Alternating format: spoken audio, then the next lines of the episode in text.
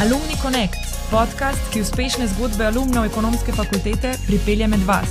Ne zamudi in se pokonektaj z nami. Zase pravi, da je državljan sveta, definitivno pa lahko trdimo, da je razpet med Beogradom in Ljubljano. Karjerna pot ga je pripeljala do življenja in dela v Sloveniji in številnih službenih potovanj sam pa trdi, da so bile za začetke karijere in karierne poti krive videoigre. Danes je Jovan Pavičevič, direktor prodaje v podjetju Better Care. Jovan, hvala, da si danes z nami. Hvala tebi, da bo bilo. Deva začeti pri gamingu, taki uh, temi, ki je staršem najmanj, uh, najmanj v veselje, ne, najmanj ljubaja. Um, ti sebe, sebe kličeš ex-gamer, oziroma se poimenuješ včasih ex-gamer. Ja. Kaj to pomeni, kaj imaš s tem v mislih? Um, v bistvu v Srbiji sem odraščal takrat, v 90-ih pa niso bili idealni časi, vse smo se igrali, no vse, ampak zelo zgodaj sem dobil računalnik, smo imeli to možnost pri 5-6 letih, ker je takrat bilo tudi nenavadno. Recimo. Uh mhm. -huh. In sem jih začel šraufati, šraufati, popravljati, in nekako sem celo življenje svoje z računalniki. Ne. In uh, igrice so bile del mojega življenja vedno in tudi zdaj so. Sem, ne morem reči, da sem gamer, ker mi čas ne dovoli, da gamem to, kot sem včasih. Je pa bilo obdobje, ko sem specifično igrico, reče se, Football Manager, igral pač dneve in noči in to se ne hecam se. Uh, tudi bilo je obdobje, ko sem za približno eno leto zamenjal noč in dan, to pomeni celo leto sem po noči igral igrice in sem živel v enem takem varnem okolju, uh, svojimi internet prijatelji. Na svet, to, to ni mentorski na svet. Mislim, bom prišel tudi do tega ja, dela, kaj so mi prenesle igrice, ker ta igrica je specifična, pač gre za futbol in upravljanje nogometnega kluba. To pomeni, ne špilaš, ti sam klikaš in štimaš, kako bi klub vodil, kot je Murinjo, naprimer, Guardiola in podobni. Naučiš se tudi veliko stvari iz tega, ker igrica sama kot taka zahteva neko strateško razmišljanje, zahteva tudi, ko je tekma hitre reakcije. Sem pa igral tudi druge igrice, uh, te streljačine, v slovenščini, mislim, da rečete. Um, ja, no, um, v Srbiji bi rekli pucačine. Um, v glavnem, streljaš veliko tudi tam, pač in refleksi se razvijajo in ne, ti so čudo, seveda. Mami in oči nista bila vedno, nikoli navdušena, predvsem mami. Uh, sem imel močno željo pri 10-11 letih, da bi se malo bolj resno, ker je takrat tudi bilo nenavadno, sploh za naše prostore, da bi se s tem ukvarjal. Sem spremljal tuje igralce, ki so takrat služili desetine tisoč dolarjev, že 20 let nazaj, ampak je to bilo no-go. Šola, šola, šola, šola, šola, ki je praktično nikoli na koncu nisem zaključil, do pred kratkim, ko sem tudi na tej fakulteti v bistvu zaključil ta svoj eh, MBA.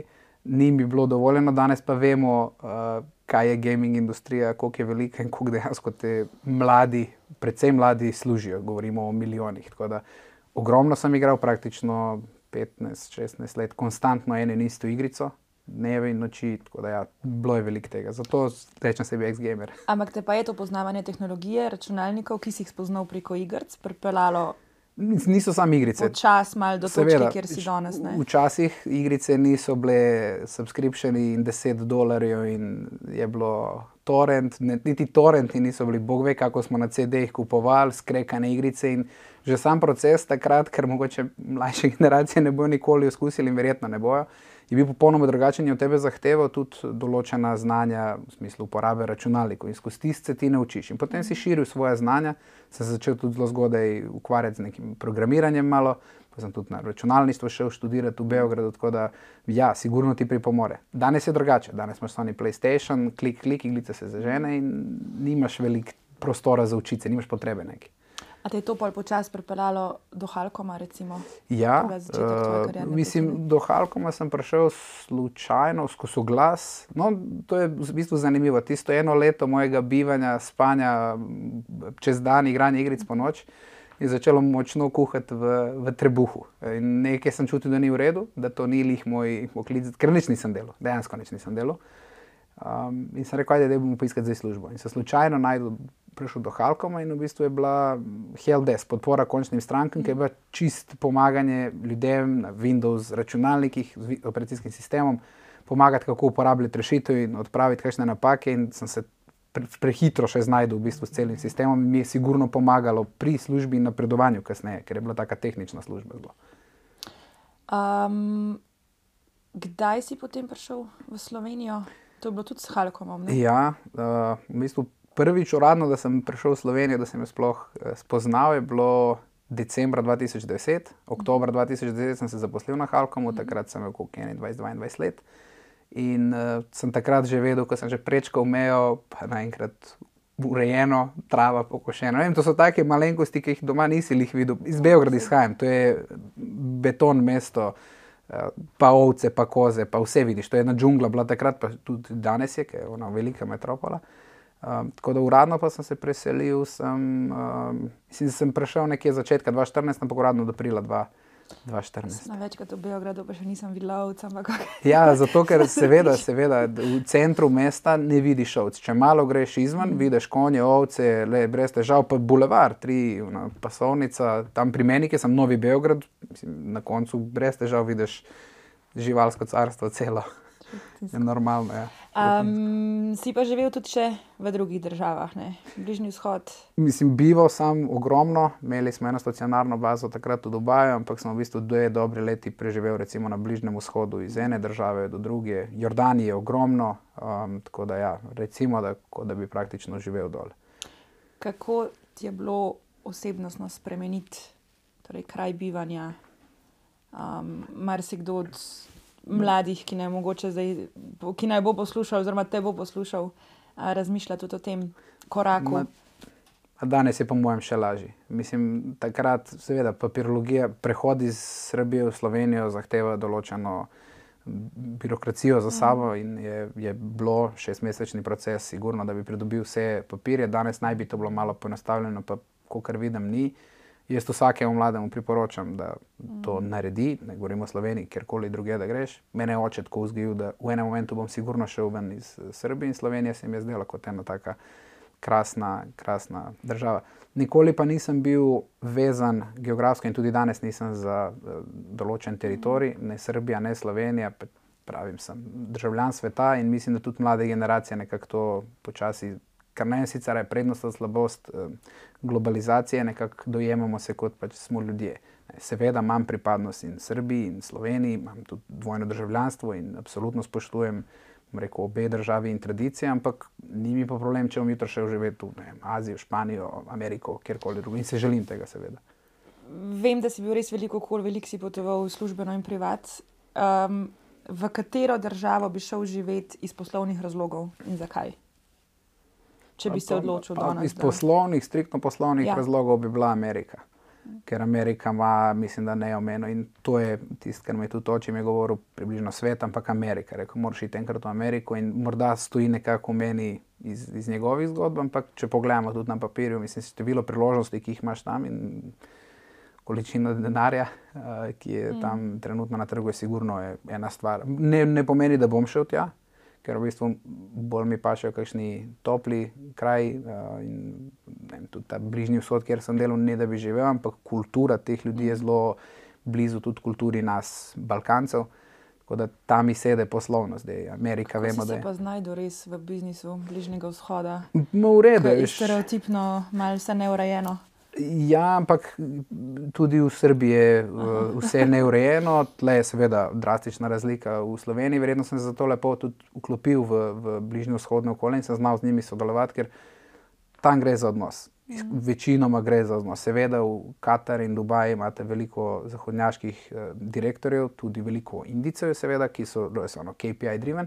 Če se pogovarjaš z lokalci, je seveda isto, kot da bi bil doma. Gremo mi v kafanu, tam se prvo naredi tako močen bonding in 80% posla, potem v njih 20% pač financiraš v, v, v pisarni. In ta neurejenost, v bistvu en izmed izzivov, vem, da so nas kos učitelji v Jordani. Um, so govorili, vi slovenci ste isti, kot Nemci, ne vse mora biti po Excelu, ttt, z Rusi se pa usedemo, pa se pač dogovorimo, da se naredi. Tako da sem nekako bil verjetno vez med slovenskimi menedžmenti in zahtevami in mindsetom in njihovim kulturo. tako kulturo. In, in je v redu, je bilo. Mislim, se, sem z veseljem grem dol, sem, ne vem, če bi pa preživel dol. Ni mi ne vlečem dolgo. Danes si na Better Care, ja. direktor prodaje. Ja. V katerih državah si danes največ prisoten? Trenutno je največ Španija, uh, tam pač polagamo največje tudi upe. Uh, torej, imam 13 držav, trenutno mislim, da 13 pod, pač moj, moj tim pokriva. Španija je definitivno največja investicija, uh, Nordics zelo velik, tam tudi imamo sicer že um, established partnerje, mm. s katerimi ustvarjamo revenue, pa še par tle, malo bolj južnih projektov, katerih ne, bi, ne, ne morem še deliti. Ampak eh, Španija je sigurno država, na katero ciljamo, ker veliko sprememb se dogaja v sami državi. To je 17 držav znotraj države, 17 regije in veliko priložnosti tu za nas, kultura nam pa še, mm. špansko se malo učim, počasi se moram naučiti. Uh, dobre stvari je, da oni govorijo angliško, ker kakšne države v Evropi so res tema tudi za angliščino, ker bi pričakoval, da je nekako mast. Tako da se ujamemo dobro, bom rekel, in tehnološko, in kulturološko, in, in privat. Tako, mislim, pred, pred obdobjem korona vem, da si ful potoval. Ne? In kad si rekel, da uh mhm. -huh. skoraj ne živiš v, v kufru, v kaučku, na ja. letališčih. Um, pa se je to ustavilo, kako je zdaj? Zdaj se vrača nazaj, zdaj je približno ja, en, skoraj dvakrat, enkrat, dvakrat na mesec počasi. Takrat v najhujših časih sem bil dva do tri tedne, naprimer, zunaj, mislim, najhujših, meni najboljših. Mm. Zdaj smo tako enkrat do dvakrat na, na mesec. No, to je, kako dojemaš te službene poti, usklajevanje z, z privatnim življenjem, službenimi obveznostmi, pisarno? Viš, ko si ti v prodaji, načeloma nisi vezan, sploh mednarodni, nisi vezan na lokacijo. Ne. Razumem pa, če nekdo prodaja na določenem teritoriju in v delovniku od 9 do 5, seveda pač boš večinoma tle. Mm. Jaz imam klijente od Nove Zelandije, Avstralije, imamo, smo imeli Filipine, pa vse čez Evropo, do Brazilije. Mm. Tako da praktično pokrijemo vse time zone. Tako da moj sestanek je lahko ob 6 zjutraj, 7 zjutraj, lahko je ob polnoči, lahko je ob 1 zjutraj, se zgodi. Mm. Tako da v bistvu nesem in službo nesem skozi sabo, pač rabim telefon in laptop in uh, to je to. Tako da ni nek, ni nek uh, problem. Tudi to usklajevanje privat in služba jaz nimam problem, mislim, uživam v službi. Mm. Vedno sem užival v svojem delu in vedno sem izbiral firme, kjer bom imel vodje, in lastnike in vizije podjetja, da je kultura taka, da mi paše, da bi se dobro počutil in samo delo mi je vedno ustrezalo, nekako sem si ga lahko izbral. Tako da, ko so dopusti tudi, hej, ko spijo vsi, če ostanem zgodaj, oddelam par ur. Mi, ne rečem, da je to bo vsem ustrezalo, meni ustreza, oddelam in nimam problema s tem.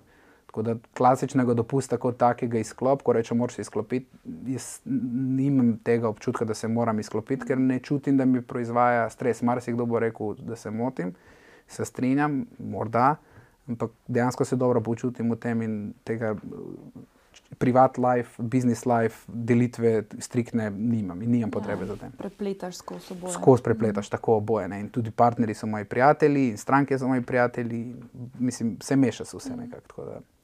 Kaj pa ti predstavlja izziv službeno, trenutno, recimo, če ti kaj? Um, ja, kako skelati, krat deset, vsako leto, mislim, čim več. Uh, v bistvu, mi smo na eni taki prelomni točki zdaj, um, ker pričakujemo en močen skel in v bistvu zdaj je samo treba izpeljati, seveda.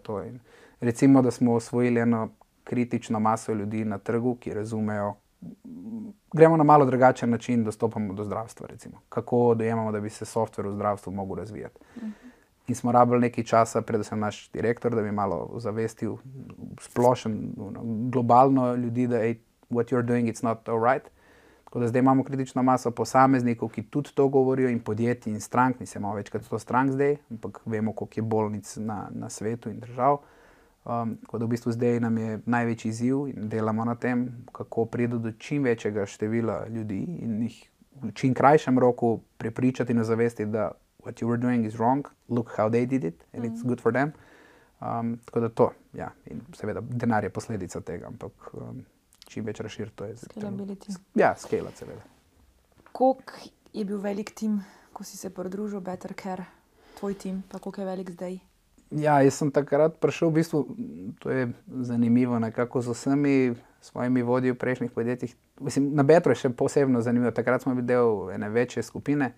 In uh, ko smo se spoznali z direktorjem, Tomažem, on mi je predstavil malo podjetje, mi je bilo fully zanimivo, kaj delajo, je bilo zelo jasno, kaj, kaj delajo, kaj delamo še vedno. Pa sem se sedel s uh, Rolandom, direktorjem prodaje, in tako nismo točno vedeli kaj bom delal, ampak sva si bila ful všeč, imel sem nekaj znanja, da sem se usedel z ekipo, ki razvija, ker imam pač nekaj ti background in sem se učil z njimi. In počasi sem pošel v Brisel, v business development in pol smo pač se nekako združili.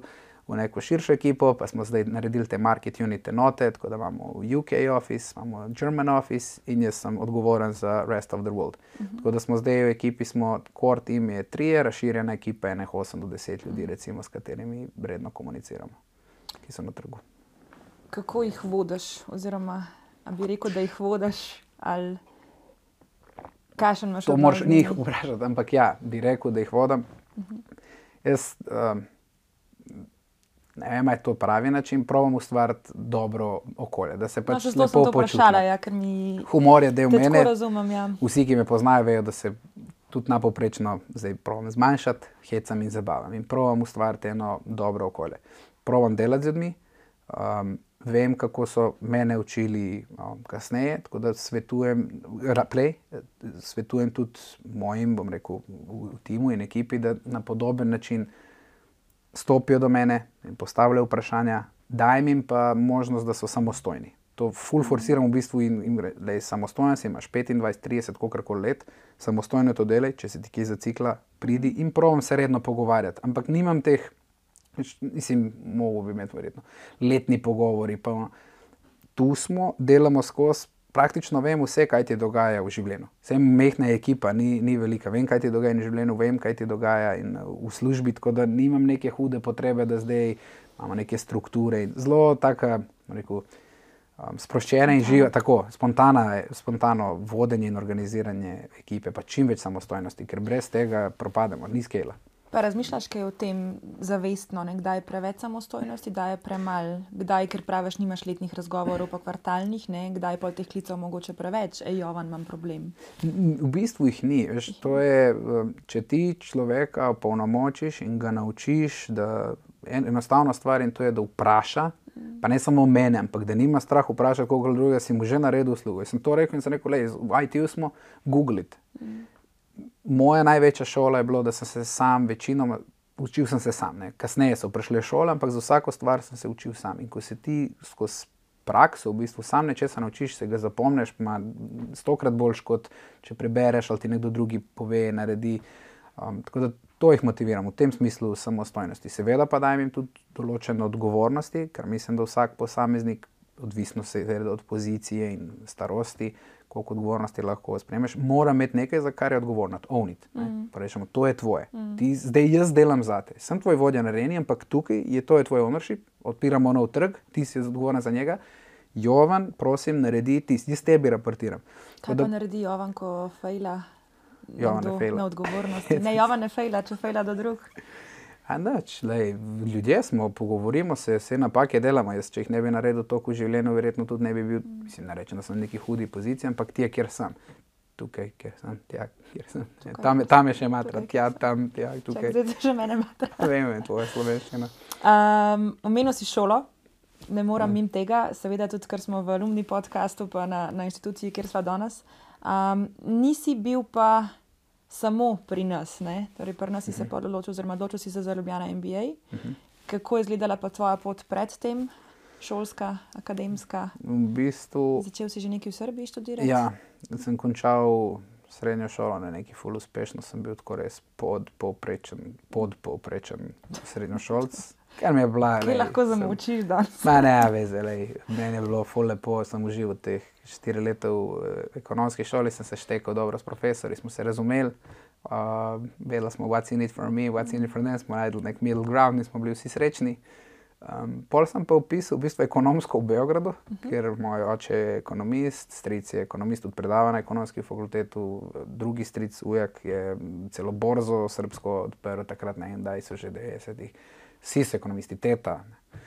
In polajde, grem jaz tudi ekonomijo, pa nisem niti vedel. Ekonomsko sem imel tisto uh, srednjo, pa sem rekel, ajde, kao, no, pametna pot. In upišem tisto ekonomijo, in v bistvu od vsega, kar sem dal, je bilo ne, 900, 900 evrov tistega enoletne že, šolnine, izpitev nula, in sem gotov, da je to not my thing. Ne. In pol sem se v bistvu prešal na računalništvo, uh mhm. -huh. računalniška fakulteta v Beogradu kjer sem tako leto za letom lepo pucal izpite, zelo dobre ocene. Mm, sem začel vmes delati na Halkomu in zelo hitro mi je začelo to imeti veliko časa in interesa in energije, in mi je bilo super, sem užival v tem in sem videl, da se učim. Šole in tisti, prej, ki sem delal z računalnikom, je bila ena dobra baza, tam sem pa dobival počasi specializacijo. Sem jaz stali še tri taki res bor, mislim, naporni, full hardcore programerski izpiti. Se nisem nekako z njimi mogel zmeniti, ker oni so imeli predavanja čez, čez dan, pa privat fakulteta je bila, pa sem se probo nekako meniti, če se nekaj ne, kao, to je to, točke čez dan, tako prisotnost in vse za neko lajsori. Tako da sem opustil takrat s tremi izpiti do, do konca šolo in sem se full posvetil karieri, vse do pred, da je bilo 2019. To je tri leta nazaj, ko sem se odločil, da je zdaj čas, da nekaj zaključim. Um, pa je bila opcija, bom tam neki, ali bom tle, pa sem poiskal tle, tale B2, uh -huh. kaj že fakulteta. Sem na hitro nekako uspel oddelati neko razliko izpitov. Dejansko so vsi bili, to je smer informacijskih, uh, poslovne informatike, veliko informacijskih tehnologij in dejansko vsi predmeti, ki so tam bili, so bili praktično deset let moje kariere. Tako da mi ni bilo težko, da spremljam in tudi zelo praktično je. Ampak to, se, to si enkrat rekel, da takrat si že vedel, da hočeš iti na MBA. Ne? Tako, v bistvu, razlog, je, razlog, je, razlog, da dokončam fakulteto, je bila, da bi imel uradno papir za, zaradi MBA. Ni, nisem pričakoval, da se bom nekaj dodatnega naučil zdaj na fakulteti. Pa nočem biti aroganten, ampak pravim. Vse, kar smo tam oddelali, je bilo praktično vse, kar sem delal že prej. So imeli tudi posluha za me na, na fakulteti in takrat, ko sem dobil, Apple je bil MBA, tisti je pa bil za me, recimo, next level. Ker, uh, tudi, si bil pa nadpovprečen. Da, da, po ocenah, ja, ja. po ocenah, ja. Čeprav so mi posameznikom, ki so mi svetovali MBA, uh. -huh. moj, moj razlog, zakaj sem pisal MBA, je bil, jaz pač pravim, mene. Ulica, v kakršni koli obliki, me, sam sem se naučil veliko, nek street smart. Recimo. In pa sem hotel sem dobiti neko mogoče malo bolj akademsko, formalno. pa tako formalno tudi, da vidim, kako izgleda. Jaz brez formule, marsikaj izračunam v prodaji, ne? ampak morda je zadnji neka ekonomska teorija, da justifies it. In me je fully zanimalo. In veliko njih mi je nekako odsvetovalo. Uh mhm. -huh. Rekli, ne boš zgubil tisti svoj uh, street smart guy, sem rekel, ni šanse. Rej. Sam razširil ga bom, kar se je dejansko zgodilo. Tako da ja, v bistvu razlog je bil, da dopolnim svoje znanje, zato sem se opisal na, na MBA tudi. Sem ga zdaj uspešno zaključil. Ja, ja če podaritev si tudi imel?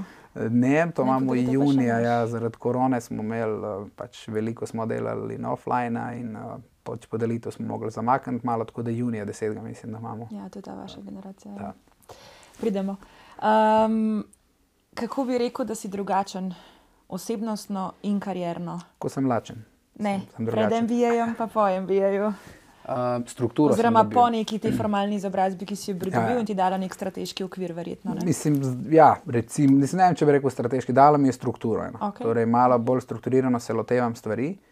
Eno dozo resnosti mi je dalo, mhm. sigurno. Uh, pa postavljam sebi vprašanja, ki jih nisem včasih znal postavljati pri odločanju. In to je meni, jaz rečem, ne znam zdaj vseh formul tistih zapisati, kaj smo se učili ali pa računovodstvo. Razumem koncept in vse. Ne, še ampak, povedati, da diplome še nisi dobil. Do, do, imamo certifikat. ja, okay. Ampak, lej, bom po Googlu, važno mi je, da razumem. Mm. In uh, mindset se mi je malo samo spremenil. Znam zadihati, znam premisliti, znam se vprašati določene stvari, znam kje poiskati za nasvet. Nekako, kako sem pričakoval, ne? sem hotel samo malo drugače razmišljati, mogoče širše, ne, mm. strateško strukturirano in to mislim, da sem dobil in to mi je največji veljo MBA. Zato, ker sva, kjer sva, pa vem, da ste imeli veliko online, ampak vseeno, kaj je najlepši spomin, zdaj, ko si spet tukaj na, na fakulteti? fakulteti. Nismo, ja, nismo imeli veliko, mislim. Uh, Imeli smo tri, štiri predmete, po mojem, samo v živo. Meni je metka ostala še vedno v, v mislih, še, še najbolj računovodstvo. Je podnapise, metka tekavčič. Ja, tekavčič, ja, ona je meni, fast, mislim, cel ta predmet računovodstva, kaj je bil še tale, gospod, samo, je Aha, samo javornik. javornik. Mislim, tip mi je res legendaren. Znanje, ki sem ga upil na predmetu računovodstva, pa tam sem bil full šibek, pa verjamem, da sem največ uh, potreboval. Um, to mi je ostalo fully v spominu, ker njena zauzetost, da, da se mi naučimo, je bila neverjetna. Uh, pa on, samo me je takrat impresioniral, se spomnim, da ti odpreti v pač tri bilančne knjige in ti pove praktično strategijo podjetja, dolgoročno, kratkoročno, kar češ iz unih številk in se jim sem rekel, wow. En dan, ko bi imel velik konglomerat, you'll be my accountant guy. Ne? to mi je tako, taki mali, mali momenti. Sami. Ostali so ne v sami šoli, ampak na Zoomu je ostalo veliko eh, momentov, ker mi smo mogli v bistvu prešaltati in to neformalno druženje na, na Zoom. Ne. Tako da, ja, ne vem, od Matica, ki nam je igral harmoniko zvečer na, na Zoomu, do ne vem, kaj smo vse imeli. Take stvari ti ostanejo v spominu. Ja. Zanimivo je, da se odloča za računovodstvo, ker imaš stereotipno, da dajo vsi nekam na. Vem, ja, nazaj. in, in ja, mogoče sem malo tu. Ampak Meni je Moji možgani ti druga- drugače v bistvu računovodstvo je edini predmet, ki sem ga fejlo, vse ostale sem dal iz prve, tega pač nisem šel skozi. in sem Aha, nisi mogel- naredil, pa ti je vse. Tako ona je rekla, da lahko pustim šest, ampak šest ne bomo se to delali. Pet se naučiti in dejansko sem se takrat, oče moj je tudi profesor statistike, matematike, računovodstva in ekonomije splošno. In sva dva tedna tako dano nočno se učila, učila, učila in brez napake na izpitu. In ja, taka stvar ti ostane sigurno v spominu. Ne? Zanimivo, to. Ja. Um, mentorstvo. Uh -huh. En tudi pomemben del tvoje. Najbolj em, pomemben. No, ampak tako, ja, ja, tudi pomemben del tvoje poslovne in, in, in verjetno zasebne trenutne situacije, ker si mentor v Mhm. okviru MČM. Uh -huh. Kako se že imenuje program? Imamo, to je uh, moj prvi mentor. Aha, V ja. bistvu ja, to je program, ki smo ga naredili dve leti nazaj, zdaj mislim, da je druga generacija za mlade od 15 do 25 let, ki v bistvu iščejo te svoje prve nekako rekel, karierne, pa tudi sicer, naprimer, srednjošolce imamo, Mhm. ki se odločajo za izobrazbeno pot. Um, da ja. Kaj misliš, da največ lahko daš kot mentor? O, izkušnje. Jaz načeloma skozi celo svoje življenje imam mentore okrog sebe, tudi več njih. Mm, Formalno, neformalno, imel sem tudi formalno mentore. Um, Ulica mi je V spet. okviru česa si imel formalne v službi? Uh, ne skozi tisti program, ki smo imeli, ta Young Professionals. Aha, V okej. bistvu sem imel formalno takrat uh, mentorja Toni Balažič, takrat je bil Mercator. predsednik tako upravnega odbora Merkatorja, sem eno leto sodeloval z njim in um, on mi je, zaradi njega imam drugega otroka, čisto ne rabimo detajlov, pač sam sva se ne bom pogovarjali. vprašala, kaj, je kaj je privat. mentoriral. Ne, ne, so se pogovarjali vsem, kar je bi- bistvo mentorskega. On mi je svetoval takrat, da naredim druga otroka in hvala mu. In um, za njega sem ostal v prodaji naprej. Ker takrat se spomnim, da sem bil malo več zmatran in sit vsega. In mi je, pač malo smo se pogovarjali o tem in mi je povedal. Tako da neuradno pa vsi moji vodje praktično so bili moji mentori. E, In tisti, ki so zdaj, so še vedno. In privat se pogovarjam, imam zelo bliske odnose s svojimi vodji, res. In vedno sem um, težil k temu, tako da in poslovno, seveda, sem se. Tako da te izkušnje, ki slišiš od njih, tisti je vredno, to je, to je največja vrednost tega. Tako da vedno gledam, če iščem še eh, mentore tudi zase nekoga, da sem malo bližje, da sodelujem, iščem nekoga, ki res ima izkušnje, seveda, ki jih potrebujem. Pa ne nujno, da smo v isti industriji. To sploh ne, ker pač Toni je takrat je delal v retailu, ja, mislim, čist druga stvar, jaz sem pa v IT-ju, v ne vem, kje sem to, telekomunikacijah. Um, tako da in tudi jaz probam nekako, ko mentor pride do mene, mentoriranec, uh, me vprašati. Jaz mu probam povedati svoje izkušnje, tudi izkušnje drugih, tako da tisti je za me največja, največja vrednost. Kje bi pa tukaj rekel, na komu je odgovornost, um, da, da mentorski proces teče? Mislim, mora biti na obeh. Jaz, za me je mentorski odnos je bidirectional, ni, ni enostaven, one, one, v eni smeri. Tako da sigurno je na obeh, seveda je mentor tisti, ki je bolj izkušen in čustveno in mentalno in kakorkoli, ne, ker če mentoriranec ima nek down, seveda je na mentorju, da ga nekako dvigne naprej in v kakršnem koli momentu. Tako da seveda mentor ima krovno, ampak oboje pa imata to odgovornost. Kaj bi pa rekel, da si se ti, kaj je bilo najbolj pomembno, kar si se ti naučil od mentoriranca? Ker si rekel, da je dvosmerni odnos. Vem, kar nekaj sem jih imel, koliko sem imel, zdaj štiri, pet. A v bistvu jaz, dobro, mentoriram, jaz tudi tiste, s katerimi delam v službi, ki so del mojega tima, jih na nek način seveda Ja, mentoriraš, logično. neko od njihov vodje. Um, skozi tisto dolgoročno sodelovanje z njimi, v bistvu naučim se, kje delamo napake. Vidim skozi njihovo obrazno mimiko, skozi njihove um, komentarje, zelo znam začutiti in ugotoviti, kje delam napako. Zdaj, jaz sem jo odpravil ali ne, mislim, ne vem, na kakšnih, marsikakšnih še, še delam, ampak skozi odnos z njimi vidim točno, kaj delam na robe v vodenju. Meni, da sebe pa naprej bildaš. v bistvu, ja, neka vrsta zrcala ti je mentoriranec pon- potem. Um, imaš prostor še za kakšno mentoriranje?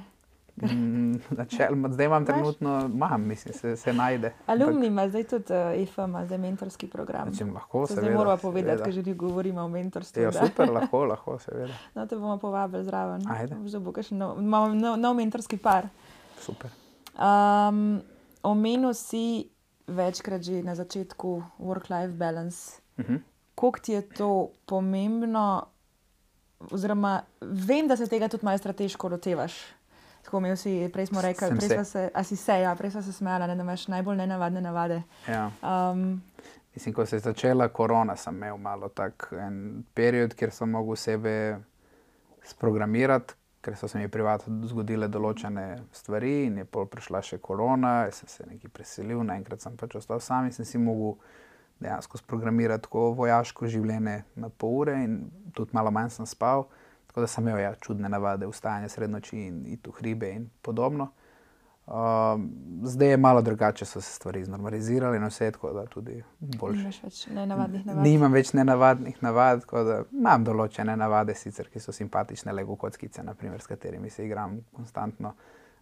Ne, da se igraš, zbiraš mesta. mesta imam zbrana vsa, ja, tudi marsikdaj si igram z otroci, pa gradimo, ampak mesta imam jaz zbrana vsa, ki je 13 dni mest imam zbranih lego. Ja. A je to zdaj že kakšna vrednost kolekcije? Ja, A, lahko ceniš. Ja, bi lahko ocenil, po, ampak načeloma ne, ni na prodaj. No, je, je je, pa, je, ja, je, se veš, koliko se prodaja, tako Mhm. rabljene te stare uh, mesta, določena se prodaja z določeno ceno na eBayu, Amazonu in ne vem, kje, kje In dobiš. je tako da- največkratnik, kar je. Ta, ta mesta niso tok, ta so ene, recimo, po, sicer gre do petkratnika, naprimer, svoje izhodišče cene, ampak to, so, to ni tako drago. Ta kolekcija je vredna verjetno 2 do 3 ure, do 3000 evrov. ne. Naj, če skoro vem, ja, da so pa ne neke kolekcije Lego, tako grejo.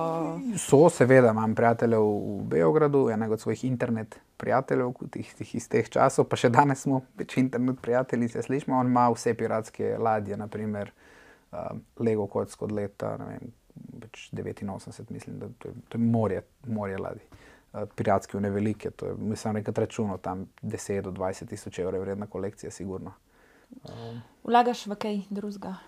zelo Malo malo. razmišljaš o prihodnosti v, v tej smeri. Ja, sem trenutno, so, mislim, malo sem se igral s kriptom, mm. uh, malo sem se igral z delnicami, zelo male investicije, ampak trenutno, glede na to, kakšen je trg in kakšne so dogajanja na trgu, sem malo previden. Uh -huh. Želim si vlagati, investirati, seveda imam tudi ogromen mislim, kredit, imam, uh, tako da malo tudi moram razmišljati o tem, ker tudi to je ena, seveda nepremičnine so zdaj skočile, tako da bi verjetno zdaj pokril vse kredite, s prodaje nepremičnine, tako da sem malo bolj varen, ampak čakam, da se vsaj malo stabilizirajo stvari, ker zadnjih, ne vem, treh, treh letih uh, ni, niso bile nis, nis normalne. Ne. Je up and down, up and down in pač pridejo različne teorije, ampak lej, in, in na koncu noben ne ve.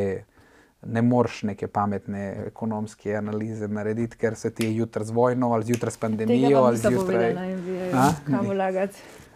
To smo spraševali ogromno, eh, se spomnim. In čakaj, kaj je bil že profesor, ki nam je to prav predal? Valentinčič. Ne, ne, ne, ni bil Loša, en drugi je bil, ki nam je prav rekel, je nam je rekel, a portfolio morate razdeliti na en 30% nepremičnine, 30% likvid, 40% na en, kaj rekel, telekomoditis ali ne, zlato pa. Je rekel, jaz pa, pa sem mu vprašal, kaj pa vi investirate, profesor, rekel, jaz sem v potovanje. Je rekel, jaz sem, le, vse je šlo na, na potovanja na, in to je meni največja investicija. In jaz približno sem takega mnenja.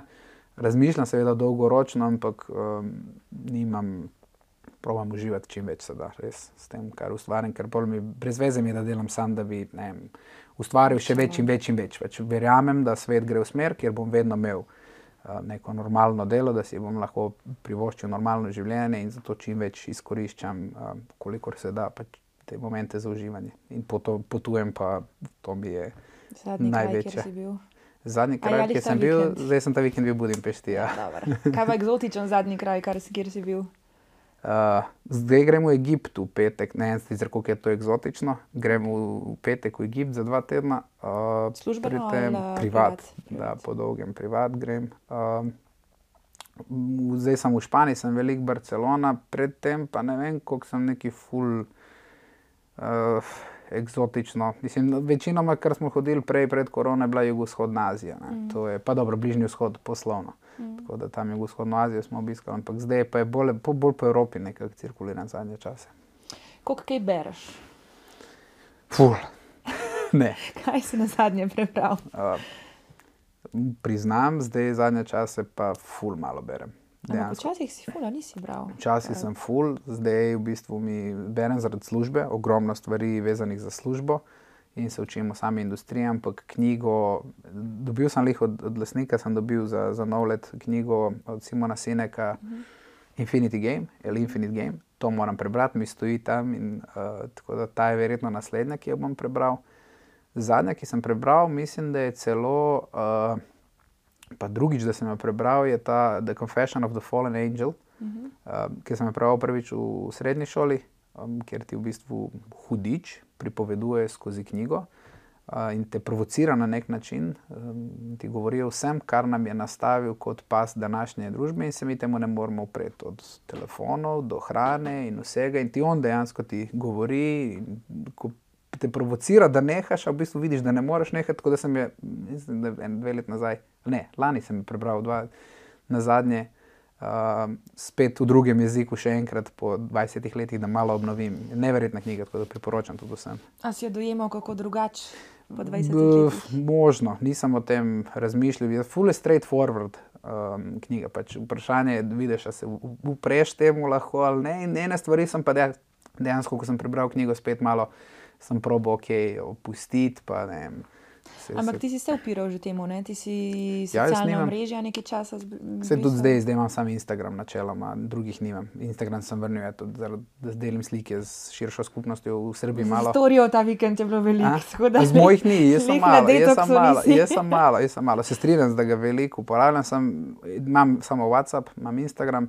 Uh, Una se ostale, ne, Facebook sem že 12 obrisal, naprimer.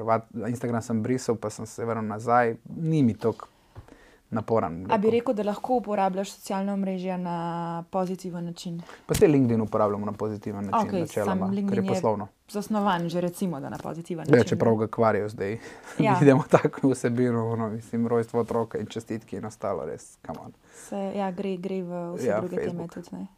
Uh, ne vem, če kot družba lahko uporabljamo družbeno mrežo na normalen način. In hkrati tudi jaz kot posameznik ne vem, če se lahko. Mislim, se Instagram načeloma uporabljam za tisto, da delim pač slike in dogodke in tudi vsi jih. Sam vidiš tudi um, izkorišča se tudi na, v druge namene in promocijo in eno vrsto dvojnega življenja. Tudi to pač opažamo, verjetno ogromno tega, ne, kaj nam predstavljajo, kaj si predstavljamo posamezniki in kakšne slike dajemo in nek wow življenje a v bistvu na drugi strani morda ni, ni, tako, ni tako idealno. Tako da, ja, ni, ni lepo. Ampak, če greva mogoče samo v to temo um, um, brandinga osebnega, ne? pa uh mhm. -huh. jaz si rekel, zaradi drugih mal nekaj moraš, moraš objaviti. Um, pa vem, da si tudi kar velik po raznih združenjih, pa bil si v, na, na top potential, ne MČM, pa še danes v mentorstvu in tako naprej. Koliko je pa to pomembno, ja? da, da vzdržuješ tudi neko svojo um, podobo na socialnih omrežjih zaradi networka? Ali bi rekel, da, da ne? Mislim, jaz ga ne, mm. imam zelo omejeno število ljudi tudi na, na Instagramu, na LinkedInu, seveda zaradi poslovnih namenov, ampak ni, ni mislim, nobene take lastne, lastne promocije ne izvajam na LinkedInu. Um, je posameznikom, je odvisno, je, seveda, če si ti single person company, konzultant, seveda boš se bolj izpostavljal kot uh, ne vem, če si delaš za neko podjetje, takrat boš promoviral verjetno podjetje. Zelo, zelo, zelo mešano je. Odvisno, kakšne tudi namene imaš, seveda na koncu. Vemo, da se ta social networks, like Instagram in ostalo, res izkoriščajo take narobne um, promocije s takimi narobnimi uh, izpleni predvidenimi jaz probujem v bistvu z, z otroci se čim več pozabavati in deliti to s tisto mehko skupino ljudi, ki jo imam gor, ker vem, da jih razveseli. In, uh, um, to je, to je, that's my thing. Delate burek, ne? Delamo, tako delamo vse, igramo se z legicami, delamo burek in neumnosti. Rekl si, da uh, bereš premalo zadnje čase, um, ampak če ostaneš. Knjig. Knjig, ja. No. ja. ja, ok. Instagram posti ne veljajo. Uh, če ostanem pri knjigah za zadnje vprašanje, če bi mhm. pa napisal knjigo, pa zdaj bo ti zviran, kaj vem, da si lahko. O čem bi jo napisal? O svojem življenju. In upam, da jo bom napisal in si želim, A sam ja, verjamem, da sem. Ja, mislim, že nekaj časa vem, da jo enkrat bom napisal. Mislim, da imam materijala takega in drugačnega zanimiva. V bistvu sem mislil napisati knjigo, ne vem, moški moškemu. Ne. V bistvu sem hotel napisati knjigo izključno za moške, um, ampak mislim, da sem še premlad in da moram dati še nekaj stvari uh, čez in malo še brade dobiti, preden jo napišem. Ampak to je moja neka ideja. Pa poslovni? mm, Vse, vse, ne, privatni, Poslovni del je poslovni, privatni vse. del. Mislim, še več privatnega kot poslovnega, ampak ja, tudi poslovni del. Kaj je pa danes en tako, kaj zadnji nasvet, ki bi ga dal ne kot moški moškim, ampak kot recimo mentor mlajši generaciji? Ma, da se drznejo, pa da so pragmatični. Uh, to je tisto, kar je meni vedno pomagalo. Pravil sem ne komplicirati v življenju in biti zelo uh, pragmatičen pri odločitvah. In seveda, kdaj se boš opekel, ne, ne, ne boš vsaka odločitev, ne bo ta prava, ampak tudi če jo ne narediš, si se odločil, da jo ne narediš, kar bo peljalo v neodločanje, kar je še hujš. Tako da bodi pragmatičen, odloči se, naredi, padi, vstani. To je tudi kar svoje otroke učim. Včeraj je Filip prišel cel krvav, pisma, nos razbil zunaj. Smo pogledali, nič ni zlomljeno, smo brisali, ajmo naprej. Ne. Um, tako da v poslovni in privatnem pač, življenju in poslovni karieri bo veliko tega ne komplicirati, pa drezni se probati. To je, mislim, če ne probaš, ne, ne veš, mislim, da ne veš enostavno, kak, kako boš rekel. Ja, ne, ne morem, nisem uspešen v tistem, jaz si probo tisti, ja, nisem. Ja, probi, pa boš videl, ne, pa boš zafrknil. Ne. Sam sem tukaj včasih pa tek občutek, da znaš mali sklopiti čustva. A Je to res? Ali samo Ne. zgleda? Jaz imam, so mi delali, kaj že na HRM, agencija, ne vem kaj že. So mi delali analizo eno in v bistvu so analizirali empatijo na neke različne načine, analitično, čutne in kaj že. In ko sem nadpovprečno empatičen, uh -huh. pa pa je bila druga, upravljanje z lastnimi čustvi, je bila tako nad, pod, pod, pod, povprečna. Ne? Tako da No, ti malo to, ja, sem mislila, ampak ne izklapljam jih, ne izklapljam jih, so zelo prisotna pri meni. Um, znam, uh, jaz v bistvu, ko- pridem do tega momenta, kjer se moram odločiti, razmišljam o rizikih. ne. Rečem, okay, kaj je, gremo od najslabšega. Kaj je najslabše, kar se lahko zgodi pri tej, aha, v redu, izgubim službo, kredit moram poplačati za stanovanje. Ne? In pač pol gledaš, aha, ok, mogoče to ni najboljša odločitev. Ali pa pri kakšni manjši stvari. Ne? Edina stvar, pri kateri sem neodločen in to vsi tisti, ki me poznajo, je hrana. Ne? Pridem dol in jaz bi vse jedel, ko vse imam rad in pol oni znorijo, pa da se odloči. Pa sem rečem tako, prines mi nekaj, pa bom pojedel. Ampak za take te kritične stvari, poslovne, privatne in vse, znam biti zelo odločen, zanaliziram zelo hitro. Če se pojavi kakšen strah, se ustavim, ga probam racionalizirati, razbiti na, aha, v redu, to, to, to. In potem se, potem se odloči. Čustva so vedno prisotna. Ne smeš pa dovoliti, da ti izključno čustva Mm, lahko- Se jaz imam, uh, rečem vedno, ne, spremlji srce uh, in kaj ti ta nek nagon govori, ampak malo premisli, ker tudi marsikdaj nas zna tisti uh, zavest in je neko poželjenje ali želja, kakršna koli druga, finančna, privatna, da nekaj narediš in pol greš v tisti nepremišljen. Ne. Samo malo razmisli, pa to, to. čustva s- mora biti del odločanja. Jaz mislim, da ne moreš odločati brez čustev, da je narobe, kako pa si robot. To pomeni, če je voda dovolj globoka, dovolj lepa, skočiš. Tu definitivno ne. Razen če ni neka fata morgana, spodaj pa se noge razbiješ. To vedno skačemo na noge, ne boljš kaj na glavo. Hvala. Tudi to sem razbil. Ja, hvala tebi.